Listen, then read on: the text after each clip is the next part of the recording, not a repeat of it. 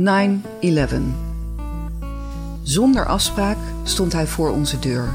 Een grauwe man met een grijze lok vettig haar schuin opzij gekant over een kalende schedel. Of hij even binnen mocht komen. Hij wilde wat bespreken. Ik kende hem van gezicht en ik had hem wel eens in de buurt zien lopen. Altijd kalm en rustig, maar wel met een oneindige triestheid in zijn ogen. En vaak een wat onvaste tred, kromgebogen. Eenmaal aan tafel met een kop koffie in zijn bevende handen begon hij voorzichtig te vertellen. Het was tijd voor verandering. Hij wilde zijn dubbele bovenhuis in de buurt verkopen en met een schone lei beginnen in een overzichtelijke flat in Amstelveen, vlakbij zijn oude moeder. Zodra hij over de nieuwe flat begon te praten, verscheen er een sprankje hoop op zijn gezicht. Over zijn moeder sprak hij met liefde. Hij had verbouwingsplannen en wilde alles schoon en wit. Zodra hij daar zou wonen, zou hij stoppen met roken, want ademen werd steeds moeilijker met zijn longemfyseem. Hij waarschuwde dat zijn huis in een erbarmelijke staat verkeerde. Na de ramp van 11 september 2001 had hij nooit meer een stofzuiger aangeraakt, nog een krant weggegooid. Van de ene op de andere dag was hij van een succesvol econoom bij een grote overheidsinstelling een van de wereld vervreemde man geworden, depressief en uiteindelijk werkloos.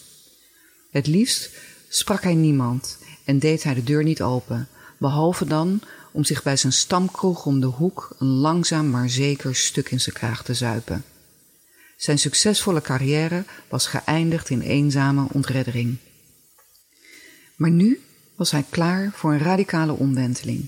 Enkele weken geleden was hij ochtends met bonkende hoofdpijn en bont en blauw over zijn hele lijf onderaan de trap wakker geworden na een avondje stamkroeg. Dat was zijn wake-up call. We spraken af dat wij het huis zouden komen bekijken en dat we hem zouden helpen het voor de verkoop op orde te brengen. Hij drukte ons nogmaals op het hart niet te schrikken. Maar dat deden we natuurlijk wel, toen we aan het einde van een lange, steile trap, je zou er maar van afvallen zeg, verwelkomd werden in zijn droefgeestige grijze wereld. Stapels kranten lagen overal, overvolle asbakken, grijze vloerbedekking die onder het stof ergens ooit blauw moet zijn geweest, doorrookte gordijnen die op half zeven hingen en een bed vol grauwe, vette lappen. Op het nachtkastje lag nog het parool van 11 september 2001. Door de vettige ramen viel een gefilterd licht dat de kamer een surrealistische sfeer gaf. Alsof door zijn depressie de kleuren letterlijk uit het huis gewrongen waren. De glans verbleekt was. Hij keek ons aan vol schaamte, maar ook vragend en met hoop. Konden we er iets mee? Natuurlijk konden we er iets mee. We belden Max van de kroonluchter. En Max kwam, zag en overwon. Gewapend met stofzuiger en poetsmiddelen, een busje en een vuilcontainer, sorteerde hij, gooide weg, verkocht wat nog verkoopbaar was en poetste tot het blonk. Kees Jan, de eigenaar, hielp mee.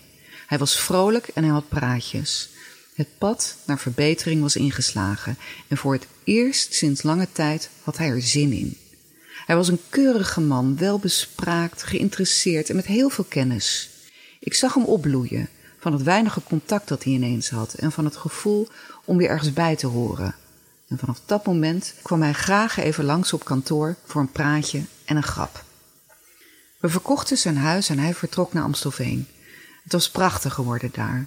Van de opbrengst van het oude huis trakteerde hij zichzelf op een nieuwe flatscreen televisie en nieuwe meubels. Allemaal van de mooiste merken en het hipste design, althans naar zijn smaak. Kort geleden kregen we een telefoontje van een notaris.